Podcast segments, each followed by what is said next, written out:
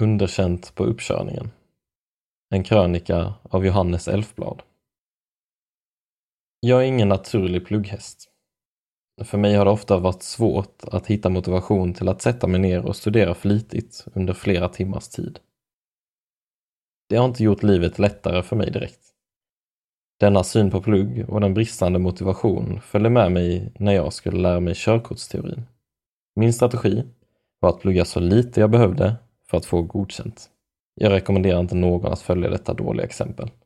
Motivationen räckte ändå så långt att jag läste halva kursboken.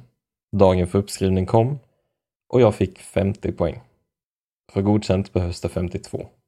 Andra gången fick jag 51 och sista gången fick jag precis godkänt. 52 poäng.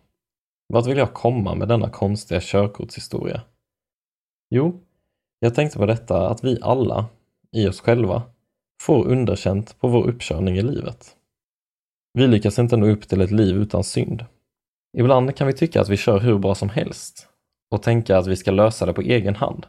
Men det är omöjligt för oss. Om vi tänker oss Gud som vår uppkörningslärare så ser inte han på vår prestation i körningen genom livet. Han ser istället på om vi har tagit emot Jesus och därmed fått hans resultat och uppkörning. Genom Jesus död på korset får vi ta emot rättfärdigheten som en gåva. Det betyder inte att vi ska köra hej vilt på vägarna, utan vi behöver ha koll på hans vägskyltar och ha med honom i bilen. Men att vi får sitta bakom ratten, det beror på honom. Tips! Läs Filipperbrevet kapitel 3, vers 9 och Romarbrevet kapitel 5, vers 1-5.